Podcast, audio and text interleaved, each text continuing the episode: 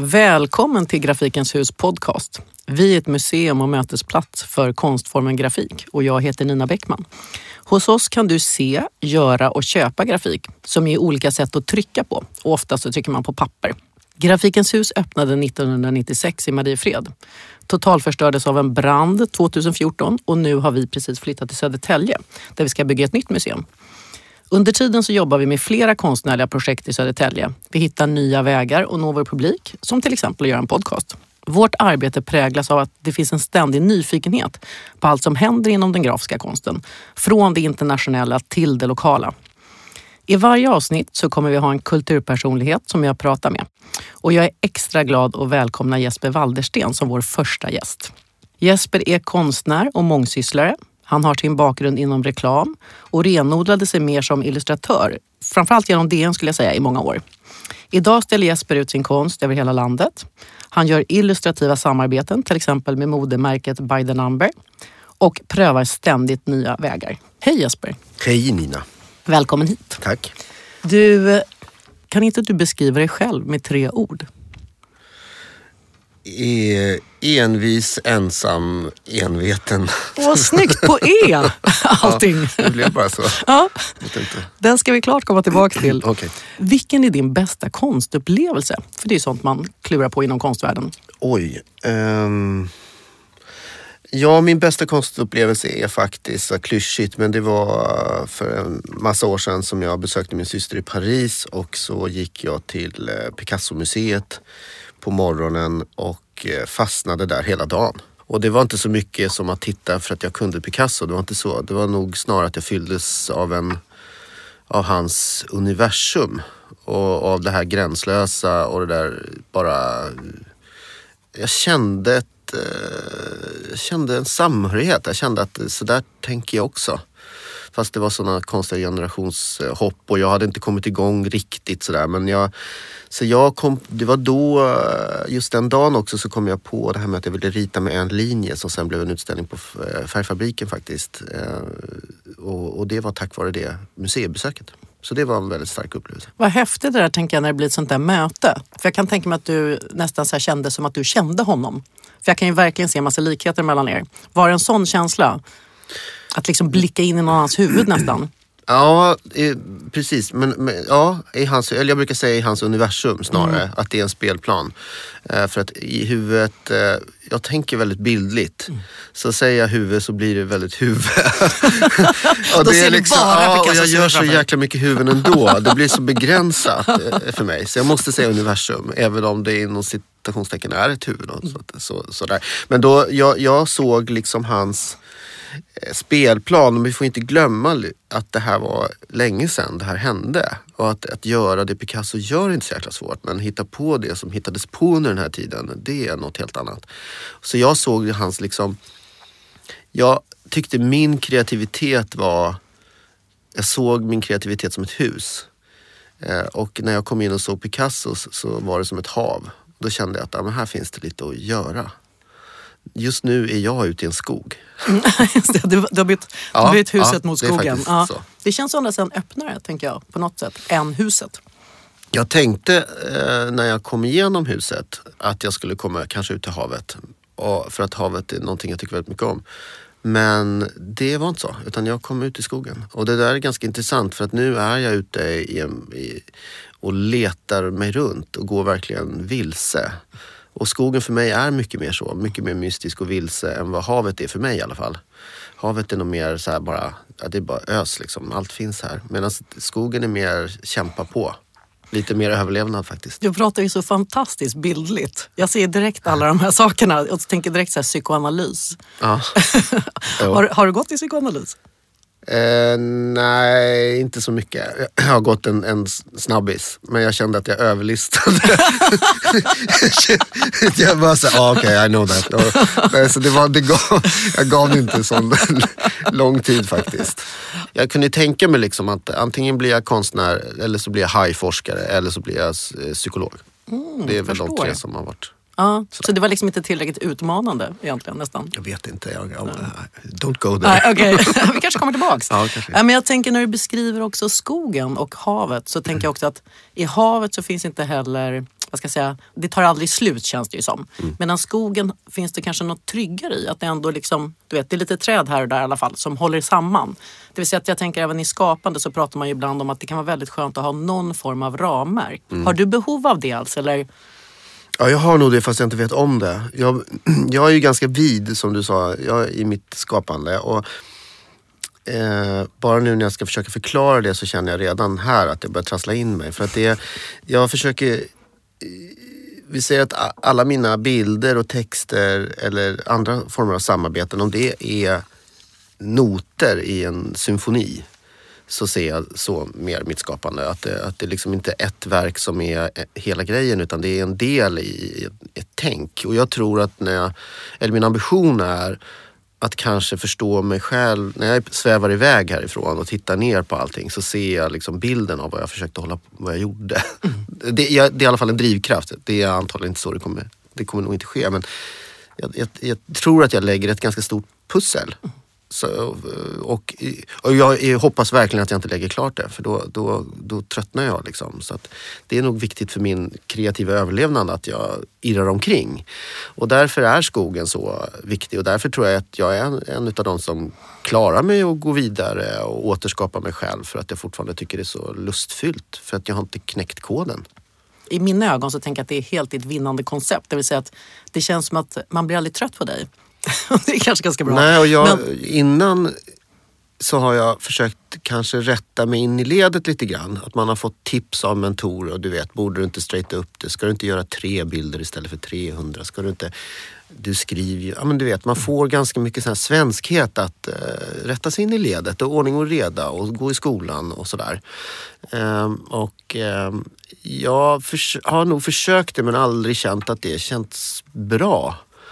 Eh, och har långsamt eh, krälat mig ur det för att eh, acceptera vem jag själv är då. Och det är därför måste jag dra mig tillbaka för jag hamnar där ibland och då måste jag liksom dra mig komma i, ruska om mig själv, liksom, bli kravlös som jag brukar kalla det för och ren i, i min idé. Men då tänker jag så att idag jobbar du som konstnär. Eh, I den världen, så där jobbar ju folk faktiskt väldigt ofta i många olika tekniker. Någon gång är det installation, nästa gång är det skulptur, ibland är det grafik. Alltså, kände du att du hittade hem lite grann när du började jobba mer som renodlat konstnär? Jag har inte tänkt på det så. Nej, jag, jag vill inte eh, måla in mig där heller. Jag, jag känner så här. Jag tycker inte det finns något riktigt bra ord för det jag är. Eh, jag tycker att på engelska är det lättare att säga att man är en artist. Jag tycker att eh, konstnär är eh, snävare ord. Så att jag är inte riktigt bekväm med det. Och jag var inte bekväm med att vara illustratör heller. Var verkligen inte. Jag tyckte om mitt jobb. Men jag tyckte inte om den definitionen av vad jag gjorde. Det var för snävt. Det var för liksom. snävt och mm. det var för bara att jag ska tolka in något. Att jag var som en skådis. Jag ville vara med i manuset mer. och påverka. Och, och det, alltså, alla mina Eh, bilder och utställningar och eh, illustrationer. För, liksom, min ambition är ju att eh, jag ser jätteofta den där killen som är på Picasso-museet. Det är min målgrupp. Att jag vill att om jag gjorde en illustration för Dagens Nyheter och jag kanske inte var den som orkade läsa de långa artiklarna så var mitt mål alltid att fånga mig. Hur kan jag få Jesper att läsa den här artikeln? Hur kan jag få en 17-årig kille gå på min utställning klockan 10 på morgonen och stanna till klockan 17 på kvällen. Det, det är alltid liksom min grunddrift. Att ge en annan en kick, att ge en annan en väg in. Så där är jag ju väldigt kommunikativ och vill dela med mig. Även om jag försöker hela tiden pressa att göra mig liksom oförstådd. Alltså det finns en, en, en lust i att, att du ska förstå eller ta till det i alla fall det jag håller på med. Jag vill dela med mig av det men sen vill jag röra till det lite. Men det får inte vara helt monotont. Jag vill inte sitta i mitt hörn och göra min grej bara. Jag vill dela med mig. Jag vill sjunga. Mm, bara go for it. ja, Bra. Nej, men, nej, men jag, tänker... nej, men jag jämför mig ofta hellre med musikvärlden mm. faktiskt.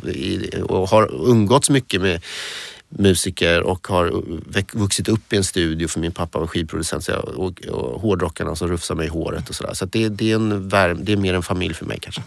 Var din pappa skivproducent? Ja. Stort frågetecken. Ja, Visste jag han- inte. Berätta. Han skapade The Boppers faktiskt. På riktigt? ja, det. Jag tänkte Så han var jag åkte- ingenjör. Liksom. Nej, det roliga var faktiskt att så här. Jag gick i Adolf Fredrik i Stockholm och vi bodde i Rönninge då, eh, halva mitt liv. Och jag åkte till Park Studio som låg i Älvsjö med pendeltåget.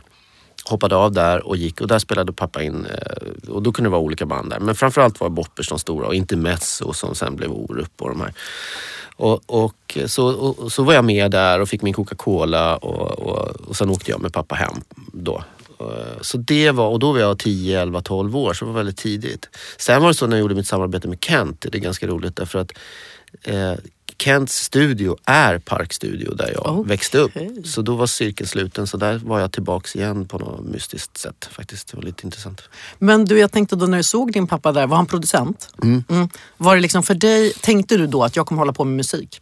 Nej, jag hade nog inte definierat det. det, jag, det fan, jag var nog ganska omogen på vad jag skulle göra. Det hade jag inte. Jag tog en dag i taget faktiskt. Men sen, alltså, att rita och måla och sånt där, det, var ju, det gjorde jag ju sen jag var... Det har jag ju alltid, alltid, alltid gjort. Men jag har ju sprang jättelänge ifrån den talangen. För jag tror ofta att om du är bra på något sådär som du hittar... Om du hittar... Så här. Jag tror alla har någon grej. Det gäller att ha förutsättningarna att hitta den. Och, och, eh, och, och kulturen runt att du, har, att du har folk som backar upp det, eller att du hinner med det. Att du inte bara ska gå till soptippen och överleva överhuvudtaget. Men då kan, en, kan man ha tur och hitta det man är bra på tidigt. Och då kan man utveckla den talangen. För talang är liksom att jobba tio gånger så hårt som alla andra utan att må dåligt. Det är bara hårt jobb. Och hittar du den talangen när du är tre år och har tid att jobba hårt, då, och, då, då kan det bli någonting. Så jag hittade det väldigt tidigt men jag sprang alltid ifrån det.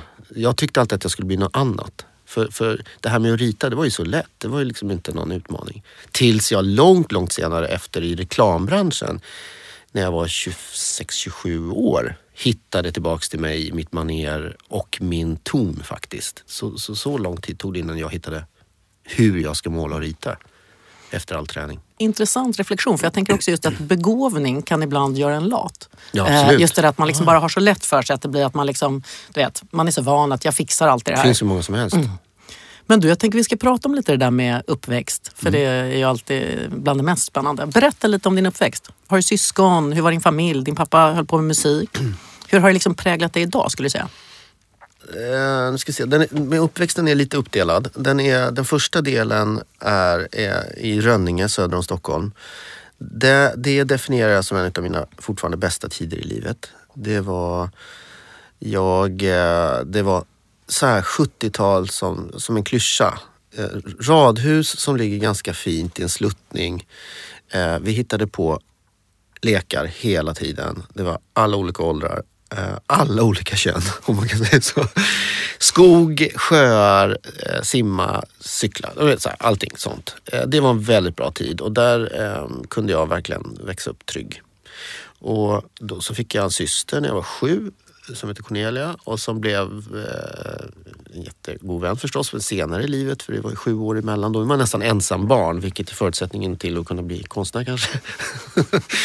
och mamma var, eh, utbildade sig till sjukgymnast och pappa då var producent. Eh, lite, lite exotisk var han så. Han köpte alltid ganska speciella bilar och var lite så här, i radhusområdet var lite intressant men pappa kom alltid hem och kom, du vet, så här.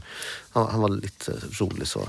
Han, han lever, det är inte så. Han är fortfarande rolig. Men, eh, Han stack ut lite grann Han stack ut lite, ja, lite, ja lite så. Vi var lite tidiga med vissa sådana här saker. Eh, tidig med eh, utrustning och musik och bilar och sådär. Så det, det var lite så barnsligt. Och då gick jag i skola i Stockholm. Jag kom in på Adolf Fredrik, vilket var en räddning för mig. Jag hade musiklärare. I, jag satt inte still riktigt i skolan och eh, hade en musiklärare som såg att jag hade någon form av talang och hon sa till mina föräldrar att den skolan fanns. Och så sökte jag dit och kom in. Och det var jättebra i hela den utvecklingen att, att åka in till stan, träffa andra människor och så där. Så för sen flyttade vi till Djursholm, norr om stan. Och då hade jag ändå min bas kvar i Stockholm med de vännerna. Och jag hade hamnat i ett ganska rörigt gäng i Rönninge så det var jätteskönt för mig att, att sticka iväg då. Sen kom tonårstider och ja, jag vet inte. Det är nästan glömt. Berätta. Och, nej, men då, det vill vi veta allt om. Ja, nej, men det, det, det, var inte så utvecklande på det. det. Det är nog utvecklande så tillvida att jag... Nej men det ska väl finnas, jag vet inte, någon tom... Jag, jag, jag, det är lite mörkt där tror jag. Är det liksom, för jag tänker att tonåren kan ju vara väldigt mycket en period av sökande. Nej, men jag, ja, det var det ju verkligen. Jag, jag, jag slutade i skolan efter nian och kom ut i vuxenlivet snabbt och fick en, eh, en eh, ja, det fanns något särskilt program för det här. Man fick jobba som lärling var det. Mm. Lärling på Semik Press ute i Sundbyberg och Semik på den tiden hade eh, 80 procent av hela serietidningsmarknaden i Sverige. Och det var ett bolag med liksom 200 anställda där i Sumpan. Och jag kom in där som 15-åring och alla rökte på jobbet, alla drack på jobbet. eh, det var så här helt nytt. Jag älskade det. Jag har alltid gillat att vara med äldre och sådär. jag tog för mig och bestämde. Och pappa sa till mig så här, kom ihåg att alltid säga hej till alla. Så du vet, jag gick runt och sa hej hela tiden. jag gick, och jag hade ingen så här, jag sa hej till Börje som var chef. Och det, var, jag blev liksom, det blev någon maskot där som sa hej till alla och sprang mycket ärenden och jobbade jättemycket. Och det var jättekul. Jobbade ihop pengar till en resa, stack iväg ett, ett halvår med en vän och sen var det lumpen. Och sen jobbade jag liksom långvård, dagis, små reklambyråer som jag fick jobb och fick typ pengar i rikskuponger och öl. Ja men du vet, verkligen old school do it yourself. länge, länge. Och du vet, höll på, sålde en tavla här och där och samlade tomburkar faktiskt. Ja men du vet, så här, verkligen dagslevande. Och tills jag kände, det var ungefär 25, så bara, ja, men nu måste jag göra karriär. För då hade du faktiskt jobbat i tio år. Ja, det har jag jobbat i tio år med. Ja. Mm. Nej, det är helt... Säg det inte. jag vet inte hur jag klarar mig. och då så eh, fick jag jobb och det var lite den historien. Jag, då ringde jag en kompis till mig, och, eller jag fick tips och, eh, om en tjej som jobbade på en reklambyrå. Mina föräldrar hade reklambyråvänner men jag fick aldrig något bra jobb av dem. De var inte så här, de hjälpte inte till ordentligt. Jag vet inte, jag kanske var lite, tyckte att det var bättre än vad jag egentligen var. Så, där.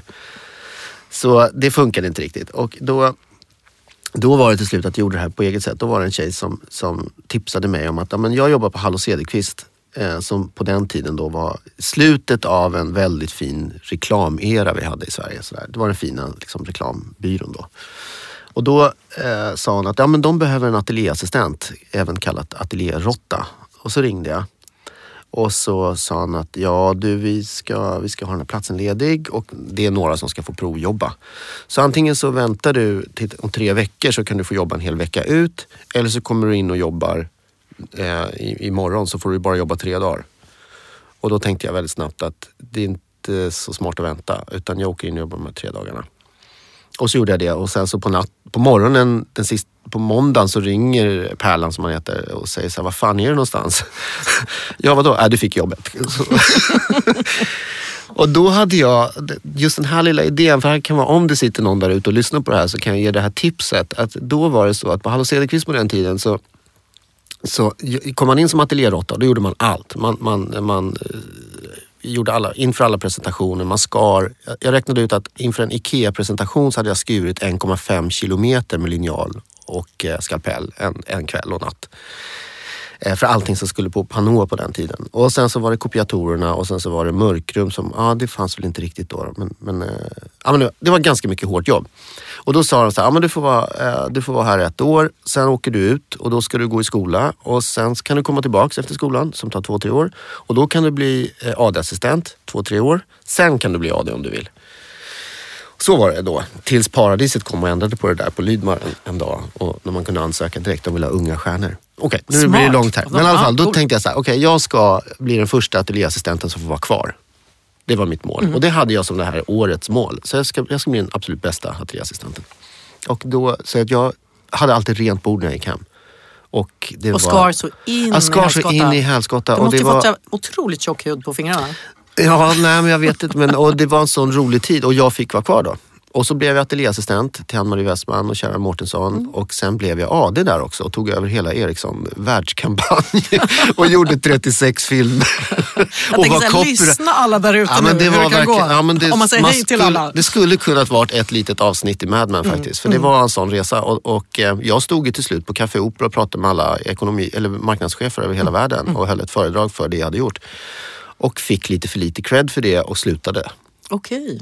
Så alltså, för det var inte att du snarare ville gå till något annat? Nej, det var eh, inte bara det med credden. Det var, det var nog att jag kände att fan vad jag hade slitit och eh, kunde fått lite mer för det tyckte jag. Det var väl det ena. Det ingen, finns ingen bitterhet i Ja. det nu eh, och det var nog inte det då heller. Jag var väl ganska trött och slutkörd.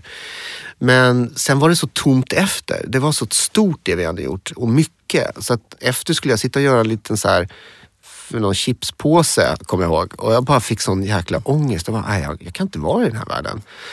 Eh, och då stod det mellan liksom, okej, framtid, ganska hög lön, eh, du vet, så här, ta det lugnt nu liksom. Och då, då sa mina chefer till mig, du kan bara so- softa ett tag nu. Det, men jag ville inte det, jag hade ju fått upp gasen då. Så då eh, sa jag upp mig. Och, då, och kände att jag tar en, eh, ett break ett tag och ser var jag ska hamna någonstans. Och så var det Petra, min fru, som sa, du, jo då hade jag gjort bilder under den här tiden när jag var lite frustrerad som hette Bilder du inte vill att barnen tar med sig på familjeterapin. Gud vad härligt vi är tillbaka Ja. där. Jag hade hoppats på det. ja, och då tyckte Petra att jag skulle gå med dem till Dagens Nyheter. Och så gjorde jag det och sen blev jag fast där då. Och, och det var liksom... Och jag tror inte på ödet kanske, men på någon form av riktat öde. Eller jag tror på att det är öppen hela tiden och liksom suger in och bejakar saker så hamnar du till slut på någon plats som kanske till slut känns som att ja, det är ju här jag ska vara. Men det är för att du säger ja till saker och för att du vågar liksom. Men du, jag tänker, oj vad DN ändå har, du har fått en sån fanskara. För, alltså, det känns som du talade ut till en publik på en gång. Jag tycker fortfarande folk pratar om när du jobbade för DN, alltså de illustrationerna. Tack för senast din jävel i en bok du gjorde, tänker jag, som var ungefär under de åren. Ja, det var ju bilder från eh, DN. Ja. Så jag tänker att den, den tiden måste ha haft en väldigt stor betydelse för dig även idag. Känns det så? Ja, de två tiderna ihop, eller om vi till och med tar tillbaks till den här tiden i, när jag bodde i Rönning. Alla de här tiderna tillsammans blir ju en, en form av det jag håller på att rota runt i nu.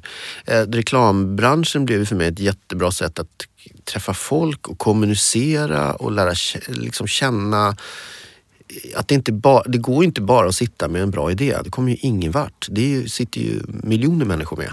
Utan det handlar ju om att den ska bli något. Och, och det är det svåra.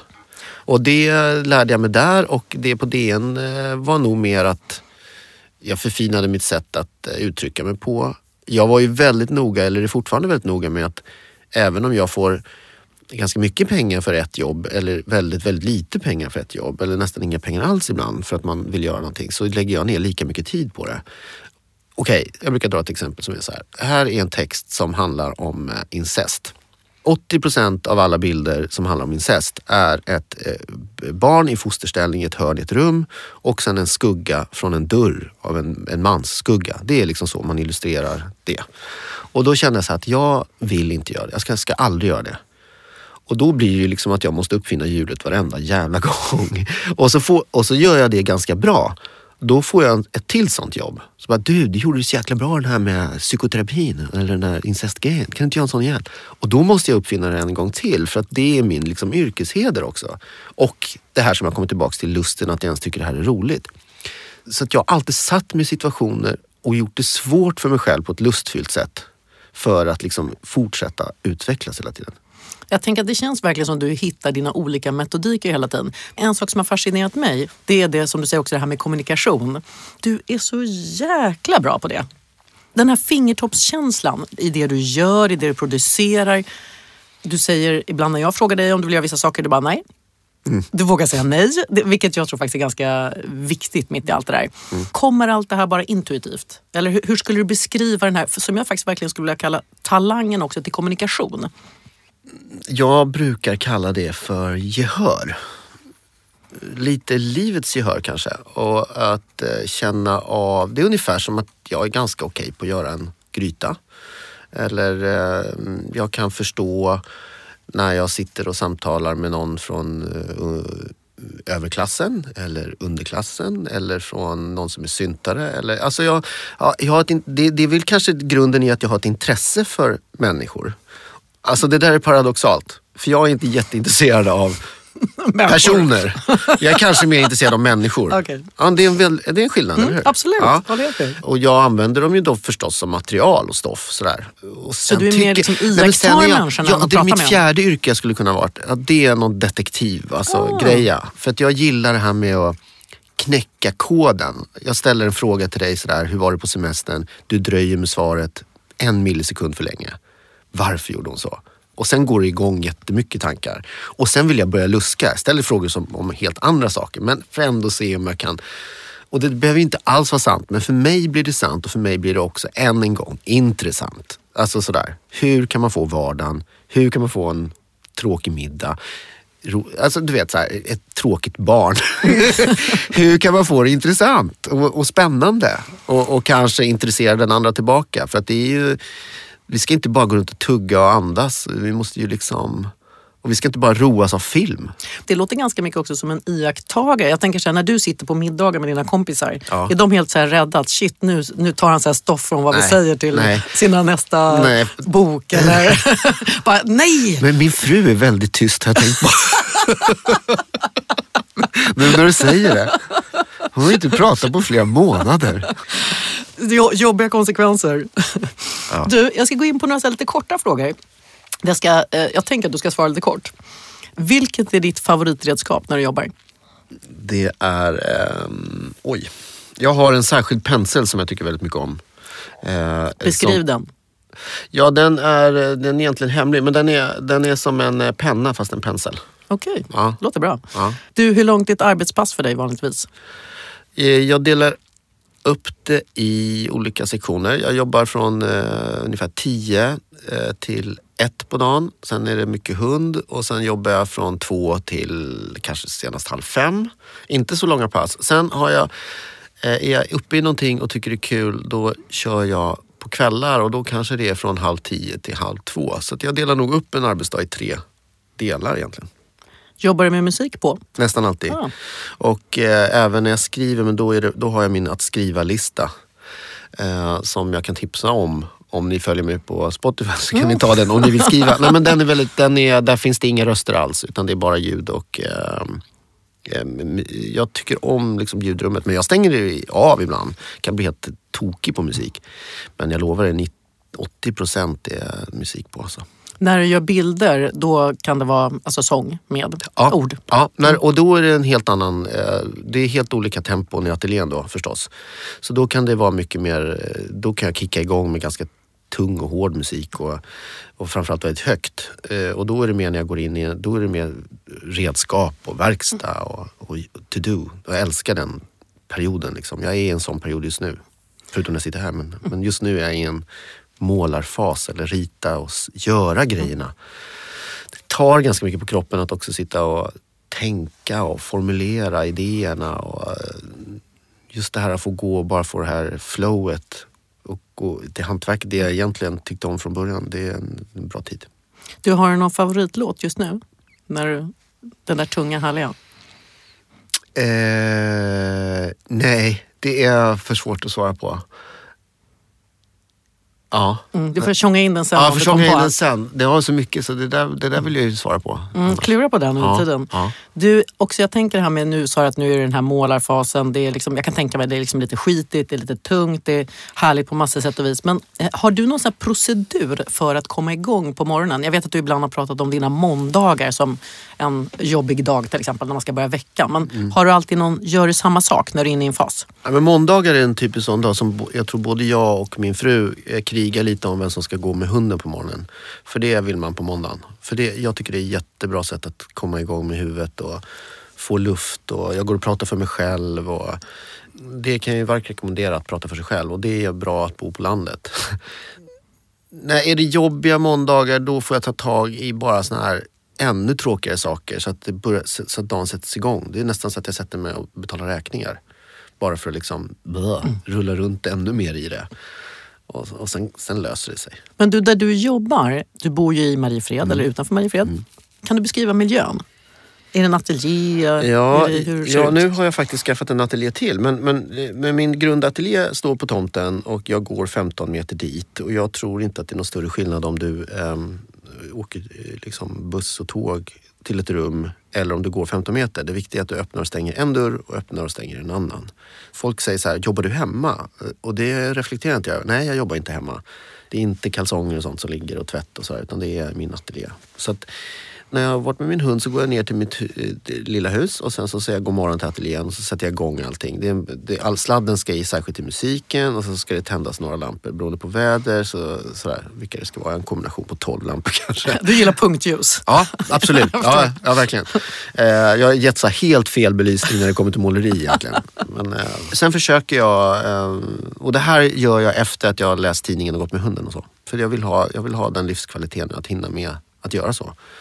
Och, och sen brukar jag försöka, om jag hinner, sätta mig och skriva eh, en halvtimme, timme rakt ut. Det är min ambition. Det blir inte alltid så, men, men eh, målet är så. Och då oftast på skrivmaskin och bara sitta och tömma mig eller fylla mig eh, utan att, att jag har något uppdrag med det.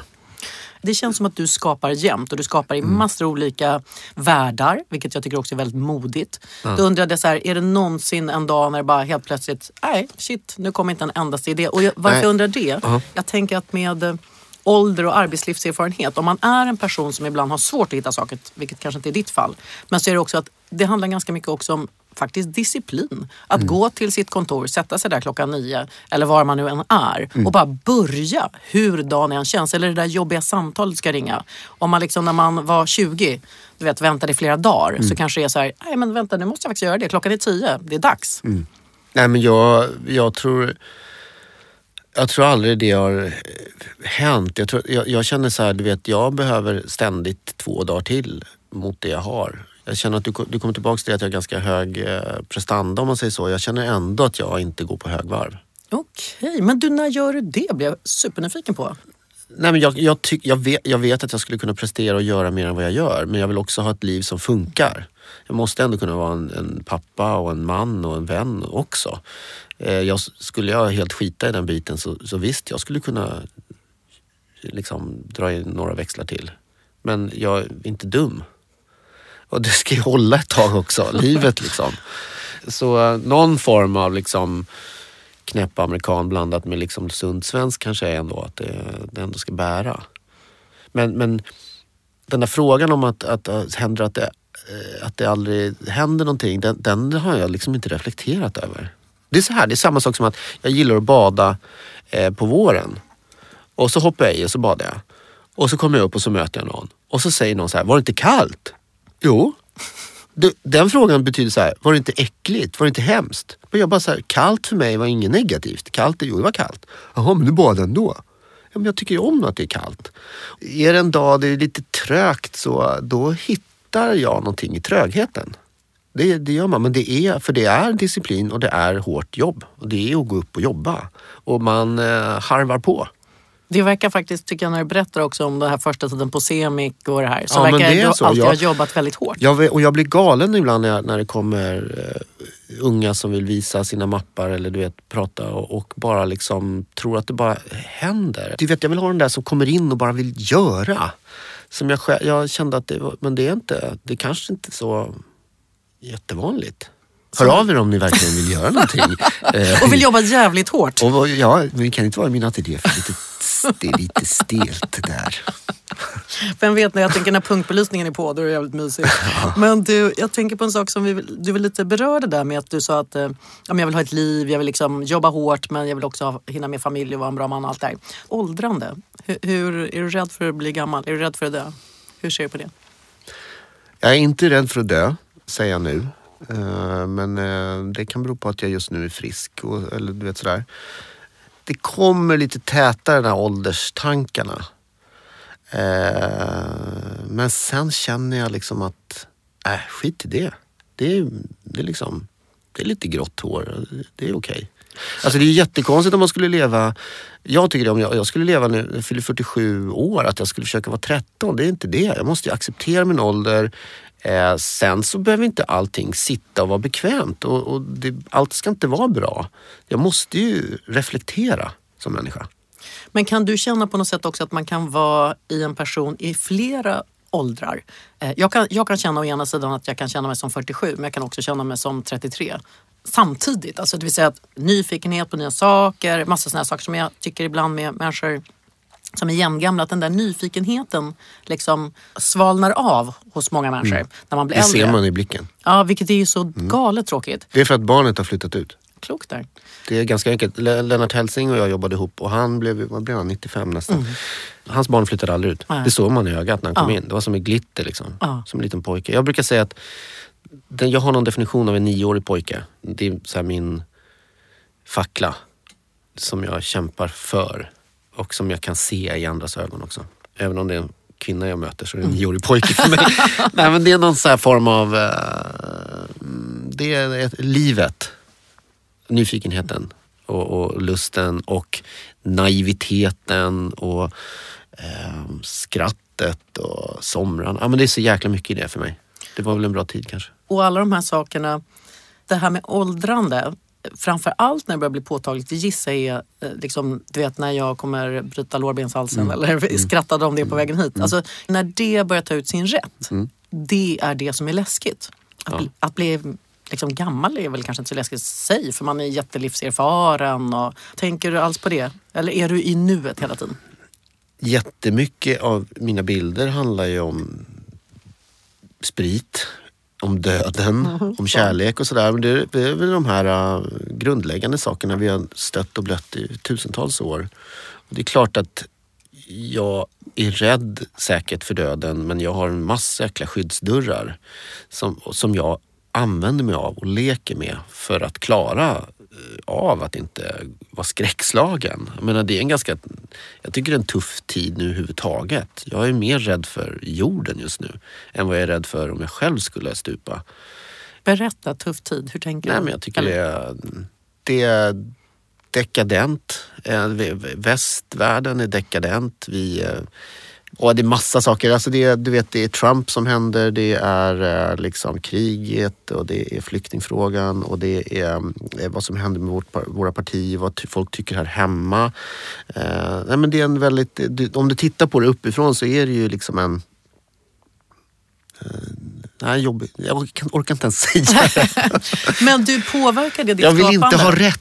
Det är så Nej, jag känner. Jag fattar helt. Man vill inte uttala det för man Nej. tänker då blir det sant. Men tycker du också att den här tiden som jag förstår, tror jag faktiskt helt vad du menar. Det är en väldigt eh, omvälvande tid och det är en ganska orolig tid på massor sätt och vis. Det är massor människor som är utsatta. Påverkar det ditt sätt att skapa? Ja, det gör det säkert. Som vi var inne på förut, jag går nog mycket på intuition och på magkänsla. Jag brukar säga att jag, jag jobbar genom, mina bilder ska gå via hjärnan, magen, hjärtat och könet. De fyra delarna liksom. Om jag har berört med en bild eller en text alla de fyra, då är det, då är det bingo. Uh, och sen kan det bero på hur jag når den betraktaren. Gick den in via hjärnan? Gick den in via könet? Eller du vet, och hur, hur, hur liksom smälter man den här bilden eller texten? Så att oro och um, existentiella saker och vad vi håller på med kommer absolut ut i mina bilder. Jag tycker att de är svartare nu än, än vad de har varit. Eh, kanske beror det på att jag vågar vara också lite grann. Att jag, vill, att jag alltid har velat vara svartare.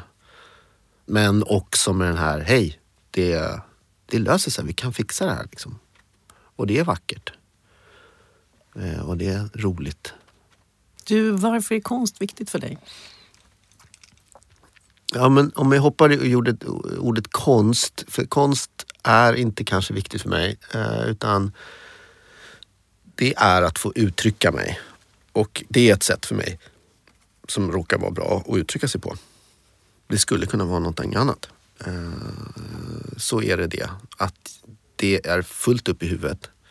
Och vissa saker skulle kanske kunna vara roligt att få skrika ut. Och vissa kanske till och med skulle kunna vara roligt för någon annan att ta emot.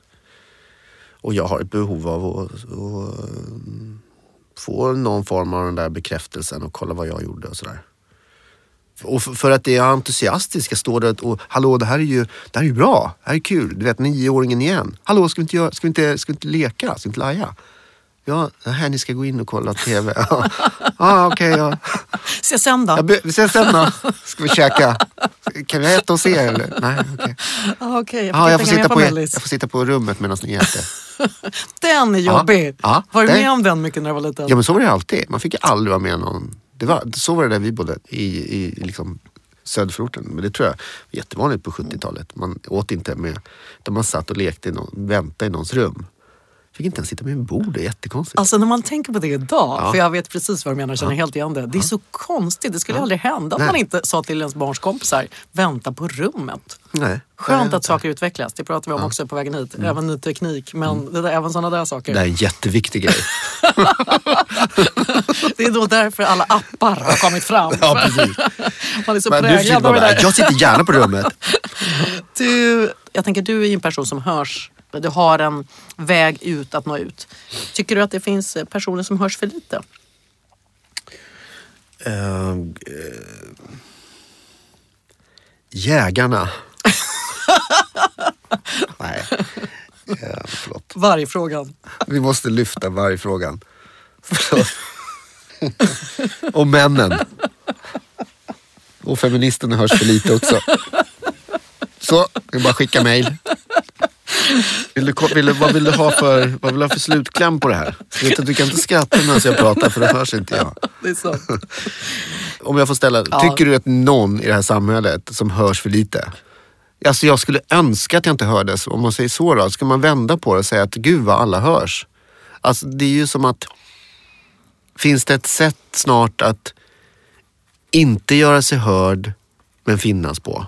Vi lever i en tid idag där alla hörs väldigt mycket. Men jag tänker att det faktiskt inte är alla. Jag tänker att det finns massor grupper i vårt samhälle idag som är marginaliserade. Mm. Som inte har en röst, som inte... Mm. Jag till exempel tänker jag var på för ett tag sedan på en jättehärlig föreställning på Folkoperan. Väldigt, mm. väldigt bra. I publiken var vi majoritet i och för sig där kvinnor och vi var vita i stort sett alla skulle jag säga. Eh, de som uppträdde så var alla vita utom en person. Det finns miljöer där väldigt många människor idag är ganska marginaliserade och inte alls har en röst. Mm. Eh, om du har en annan bakgrund, en annan kulturell bakgrund, om du inte pratar perfekt svenska och så vidare. Absolut. Det var det jag egentligen menade. Ja. Mer än jägarna. Nu gör de mig väldigt, väldigt dåligt samvete. ja. Icke då. Ja. Men du, nu när vi ändå pratar om det. Hur, hur skulle du reflektera runt det? För jag tänker att vi rör oss ju i miljöer där vi alla är ganska så lika och det kan jag börja känna lite så här, ja. nej, det är faktiskt inte okej. Okay. nu vill jag ändra på det. Ja. Men det är för att du nu har reflekterat över det för att du flyttat till Södertälje och öppnar äh, Grafikens hus där. Tror du inte det? Det har med det att göra. Men jag skulle också till och med säga så att vi har flyttat till Södertälje för att mm. vi är vi har börjat redan innan reflektera över det. Att mm. sänka trösklar på kulturinstitutioner. Få, jag tänker också att jobba med det här att inte bara det är en viss typ av människor som syns och hörs. Jag menar kulturen är väldigt på så vi skulle säga konservativ, mm, kulturvärlden. Mm, I många institutioner så är eh, majoriteten av de som jobbar på institutionerna har väldigt snarlika bakgrunder. Så att, ah, de går lite hand i hand. Men, men jag, jag, kan snarare säga att jag är otroligt glad att vi har hamnat i Södertälje mm. och kan liksom jobba aktivt. Men, så det var lite de där spåren jag tänkte. Men hur ser din värld ut? Tycker du att liksom Får du in input från, eh, utom, det är så lätt att tänka så här, ja men det får jag när jag åker ut och Nej, reser. jag är också, eh, alltså jag har ju nästan gjort min värld ännu mindre. Jag kan känna så här att jag, jag har en, ett universum nu som jag rör mig runt i. Och, och jag kan nog beröra sådana frågor genom andra sätt. Jag känner inte för att vara aktuell. Jag kommer dyka på kulturer och människor när det, när det kommer den punkten. Och just nu är det för lite sådana beröringspunkter för mig. Eh, eh, men jag kommer ihåg när jag gjorde bilder för DN i början, så, så du nämnde Tack för senast förut, så skulle den, från DNs sida så ville de att den skulle vara lite aktuell, det skulle vara lite Stockholm. Och sen så tänkte jag så här, jag vill göra dem så att de är så lite Stockholm som möjligt och så lite aktuella som möjligt så de ändå kan hålla om tio år. Och jag tror i den boken så är det ungefär kanske 80 procent som fortfarande håller. Och det var min ambition då. Och det är min ambition nu också när jag, när jag skapar att det jag vill vara liksom tidlös, jag vill vara könlös så mycket jag kan. Jag vill vara också eh, ras och religionslös. Det inte, intresserar inte mig riktigt och det är jättemånga där ute som är, är, hugger på det överallt. Sådär. Och jag måste fortsätta med den här eh, gräva där jag står. Och det är min rätt att göra det. Och, och kan jag genom liksom en kvadratmeter hitta värdegrunder, hitta tankar, skriva en sak som berör, som gör att en annan människa blir gladare en dag. Och, alltså det är en kedjereaktion. Så är man så är den där lilla vattendroppen. Och det får vara så. Jag kan nog verka mer engagerad då. Och det, jag, du ställer frågor som gör att jag blir lite intresserad av varför det är så. Och så att jag tänker lite jag provpratar lite grann. Eh, Just nu är jag i en period där jag inte är särskilt politisk. så. Där, jag är mer eh, existentiell. Ah, och då tänker jag ändå att du just har reflekterat över att just nu är vi i en väldigt politisk tid. Ja, så det är en krock där. Och det är så jag också jobbar hela tiden. Då brukar jag säga så här att jag är en social ensamvarg. Jag litar inte på en enda person som säger att så här är det. För det har man ju motbevisat jämt. Vilket gör att jättemånga religioner stryker på foten för mig. Det är liksom vända på stenen, prova om igen. Eh, nyfikenheten kommer tillbaks där då. Um, Sen finns det ett privatliv som är, som är att jag... Eh, det är frågan om man pratar för sitt skapande eller också vad jag oroar mig för när jag går och lägger mig. Det är lite en annan sak också.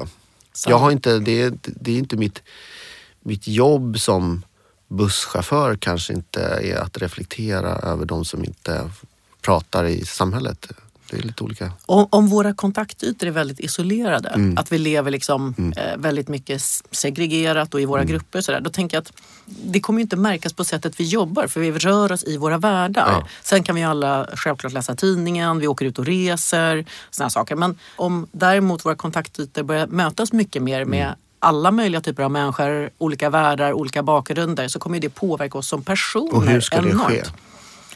Och jag tänker att det kan ske på massor av olika Mm. sätt med många små steg samtidigt. Då måste det bli stora förändringar och det är de där stora förändringarna som jag också är skraj för. För eh, förändring är liksom revolution. Om det ska bli någon riktig förändring. Och då måste det något kollapsa eller sådär. För att det kommer fortsätta så här annars. Det vi liksom lär oss inte riktigt. Vare sig hur vi ska hantera varann eller miljö eller utanförskap och sådär. Utan det ångar ju bara på. liksom, du tror inte att det går att skapa förändringar utan att det, någonting kollapsar. Och frågan är, det kanske man också då får acceptera. Nej men vi säger så här Nina. Eh, Just nu är, eh, där jag är i min process. Just nu ska jag, eh, jag ska ha en stor utställning i sommar. Jag håller på med två böcker. Så, här. så då är jag i en värld just nu som jag måste gå in i. Då är det liksom en annan form av eh, del som jag rör mig i när det kommer till, mina, till mitt jobb. Och då stänger jag av ganska mycket överhuvudtaget. Och just nu är det en sån process. Just nu är det väldigt så här, eh, fokus. Jag förstår, du är liksom inne i en väldigt skapande process. Men eh, om man ändå pratar om att samtidskonsten skulle kunna ha en roll i vårt samhälle. Hur tycker du att samtidskonsten är angelägen? För en person som dig till exempel. Vad gillar du själv? Om man, mer, inte man tänker så mycket på det du gör. Om man mer så här, om du själv går på Nej, men jag känner, en, så här, eh, jag, känner en, jag känner en tomhet när du ställer den här frågan. Och eh, det händer ingenting i mig. Det, det dyker inte upp en enda tanke. Det är ganska intressant tycker jag. Absolut. Det kanske inte just i den världen det händer för dig, höll jag säga. Kanske någon annanstans.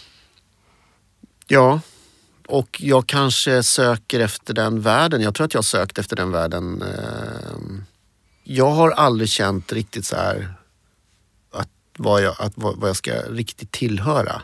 Så har det varit genom hela min uppväxt lite grann sådär. Eh, Och det tror jag då har varit en bidragande effekt till att jag har gjort ganska bra saker. För att man använder sig av den, någon form av utanförskap eller så här, det har funkat okej men det är ändå liksom något så här, "Nej, jag har inte riktigt hemma här och det här gänget är inte så, gillar, du vet sådär. Och då går man vidare och provar nytt. Jag kan väl tycka så här att om jag skulle, vi säger just nu, inte just idag, men om något år Eh, så nu när jag har fått sjunka in lite i den här frågan så undrar jag så här, men politik är ju ganska intressant. Och, och då är det snarare så här, hur kan en konstnär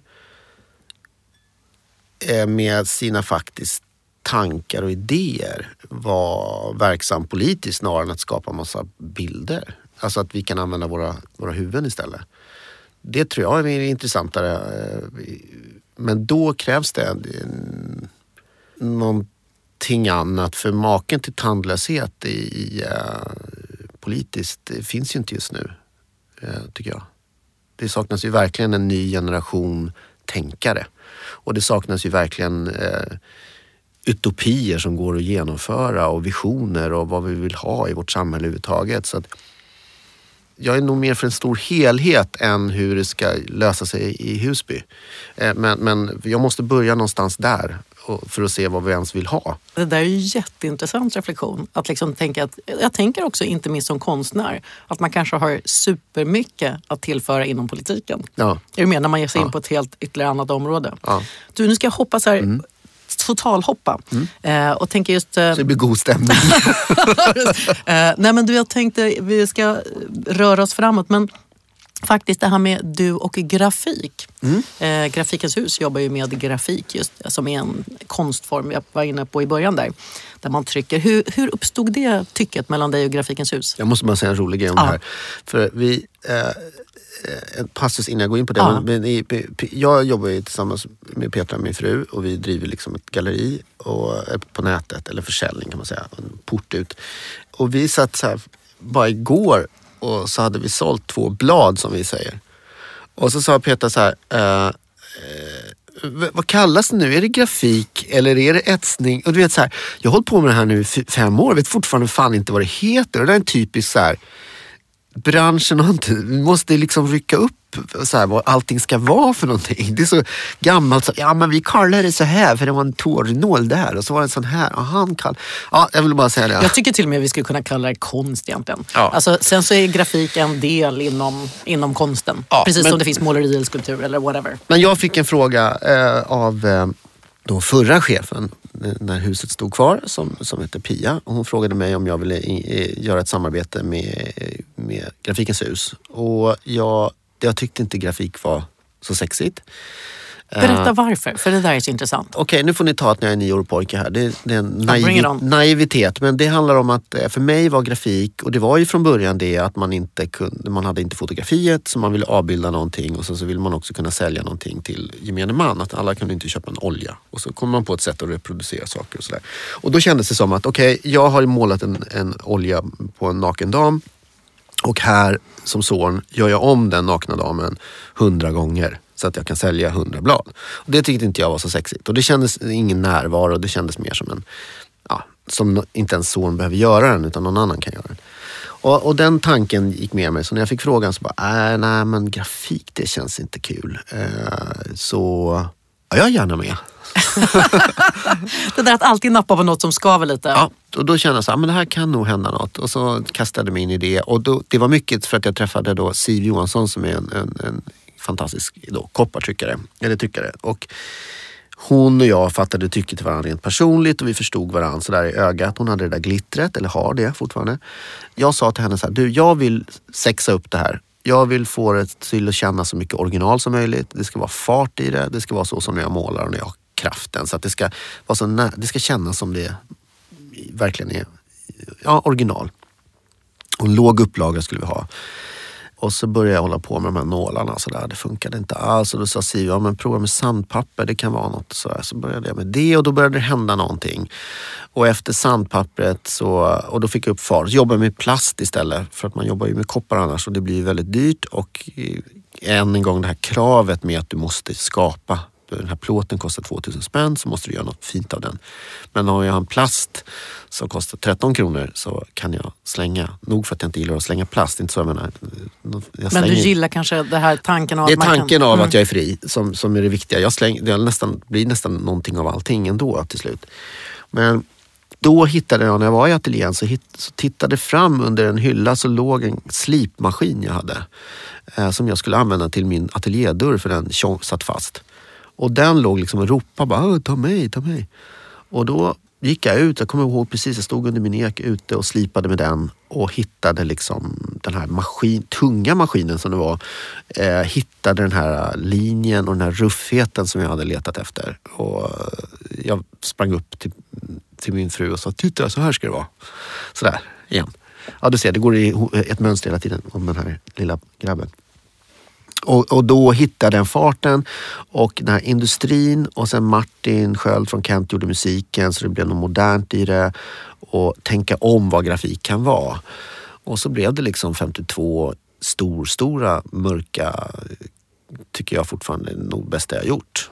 Eh, och det var en väldigt lyckad utställning som också blev förlängd ett halvår tror jag. Och jag tror att det var så rekord hur många som kom ja, på vernissagen. Ja, det har sällan varit ja, mycket folk. Nej, men det var, så det var, tack vare att jag bejakade, sa nej till något jag var lite, eller sa ja till något jag var lite rädd för så blev det ett, ett, ett av mina favorituttryck nu.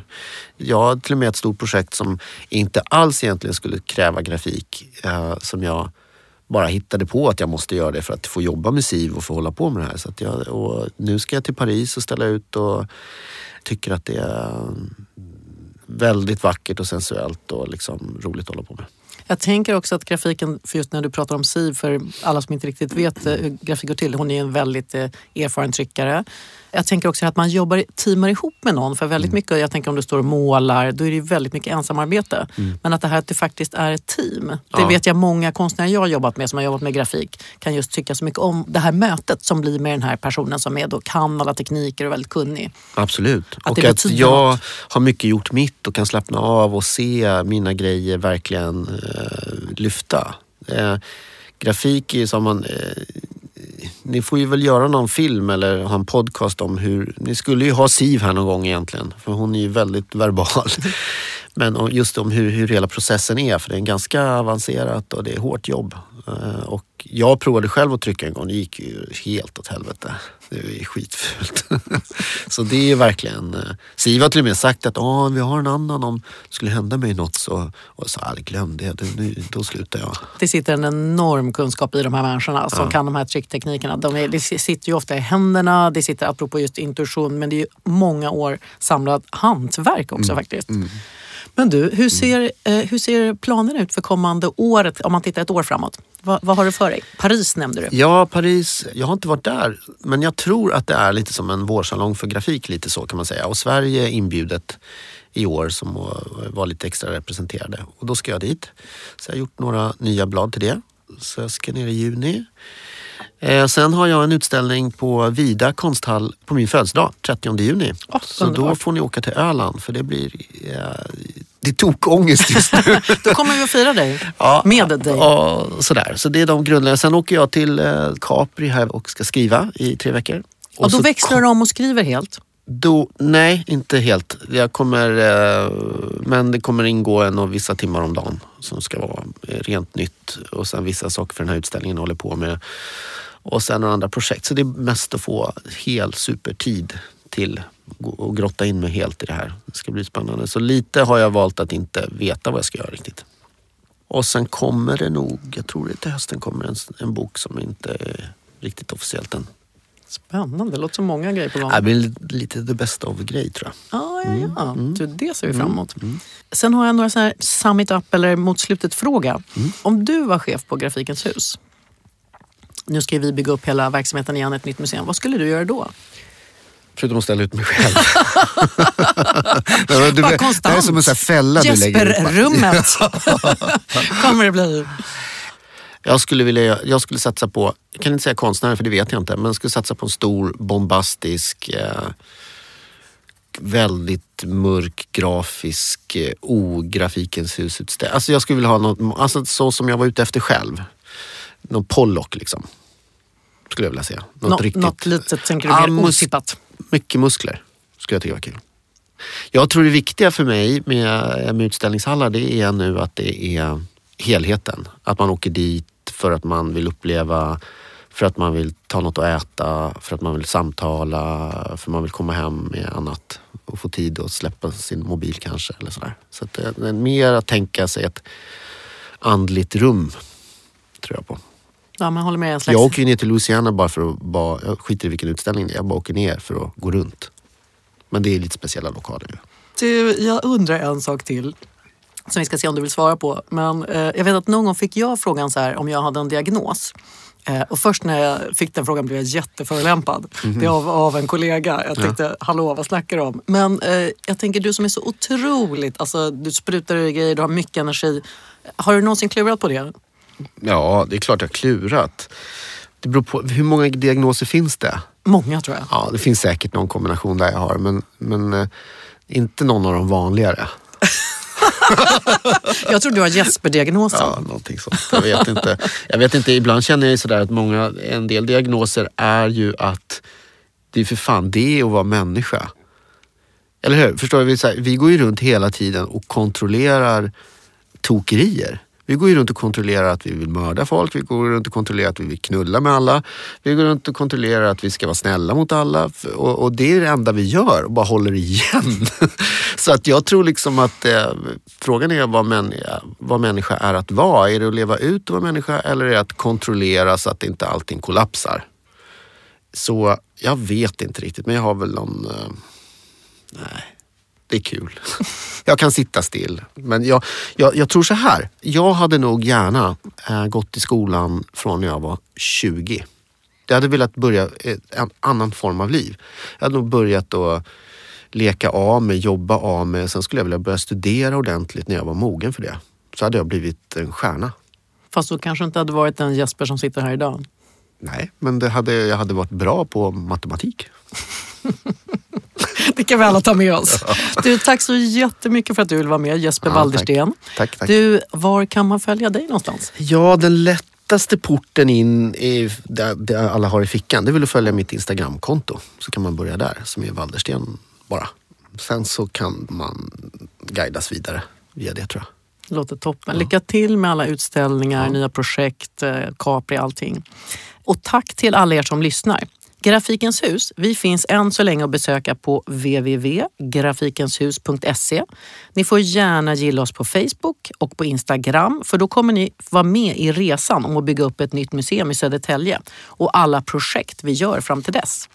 I nästa avsnitt då kommer jag träffa den begåvade mångsysslaren Berang Miri, programledare, debattör, pedagog, skådespelare, rappare, inspiratör. Hur många saker som helst gör han. Och han har dessutom vunnit debatt-SM i kulturpolitik på Almedalveckan. Med Berang så ska jag prata om vilken typ av museum Grafikens hus ska bygga upp. Hur vi ska tänka för att vara inkluderande och jag ser verkligen fram emot det samtalet också. Grafikens hus podcast spelas in och produceras på Beppo ljudproduktion. Hej för nu!